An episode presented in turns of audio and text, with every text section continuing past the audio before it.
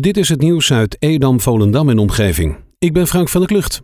Al meer dan twee jaar geleden heeft de gemeente Edam-Volendam voor 240.000 euro een kavel aangekocht voor een nieuwe brandweerpost in Kwaadijk. Begin 2022 moet het gebouw er dan eindelijk staan. Dat is een half jaar later dan destijds in november 2018 werd beoogd, zo meldt het Noord-Hollands Dagblad. Voordat de plannen überhaupt ten uitvoer kunnen worden gebracht, moet de gemeenteraad eind januari eerst nog akkoord gaan met een investering van 1,1 miljoen. Vanaf vandaag wordt gestart met het herbestraten van de Kerkstraat in Monnikendam. Het betreft het gedeelte van de Zarken vanaf de Kloosterstraat tot en met de Kerkstraat. Tijdens de werkzaamheden is dit gedeelte gestremd voor al het verkeer. Met aannemers zijn afspraken gemaakt om de rijbaan gefaseerd uit te breken, zodat de rijbaan alleen op werkdagen gestremd is. Tijdens de werkzaamheden worden loopschoten neergelegd om de bereikbaarheid van de woningen voor voetgangers te garanderen. De werkzaamheden worden uitgevoerd door de firma Nota Infra BV. En dat gaat zo vier weken duren. In de Purmerendse wijk Weide-Venne is een scooter in de brand gestoken. Deze stond gestald in een fietsenstalling bij het station.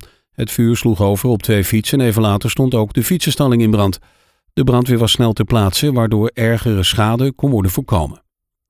De vrijwilligers van Hospice in Vrijheid zijn dit jaar de winnaars van het Lokaal Compliment van Purmerend.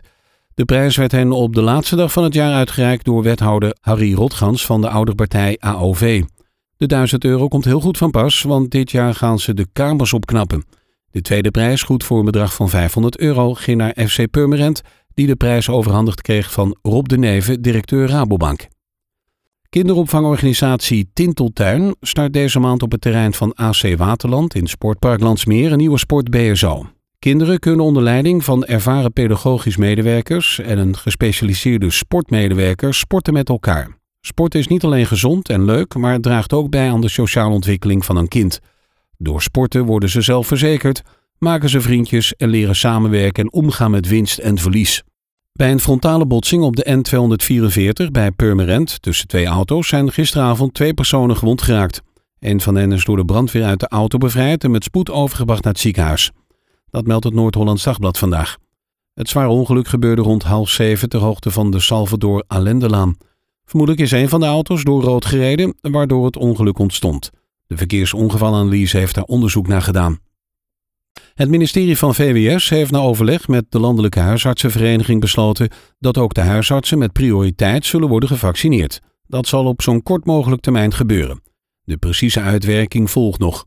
In de gesprekken heeft VWS bevestigd dat huisartsen een onmisbare schakel in de zorgketen vormen en dat zij een belangrijke rol in het vaccinatieproces spelen.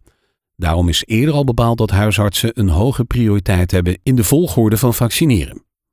GGD Zaanstreek Waterland gaat vanaf vandaag tijdelijk een landelijke coronatestbus inzetten in Volendam.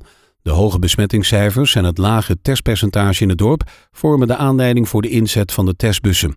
Met inzet van de mobiele unit hoopt de GGD de testbereidheid te verhogen en vroegtijdige besmetting op te sporen.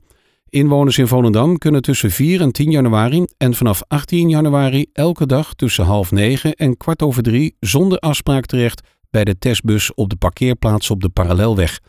Dit in tegenstelling tot de reguliere teststraten waar alleen op afspraak wordt getest.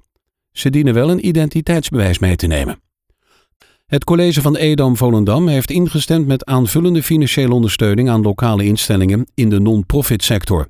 Men kan op de gemeentewebsite aanvraagformulier invullen voor een van de ondersteuningsmaatregelen. Met het besluit van het college bieden zij drie soorten van ondersteuning aan: een garantstelling of een lening, een tegemoetkoming in gemaakte kosten of een bijdrage in de exploitatiekosten. Tot zover het nieuws uit Edam, Volendam en omgeving. Meer lokaal nieuws vindt u op de Love Kabelkrant, onze website of in de app.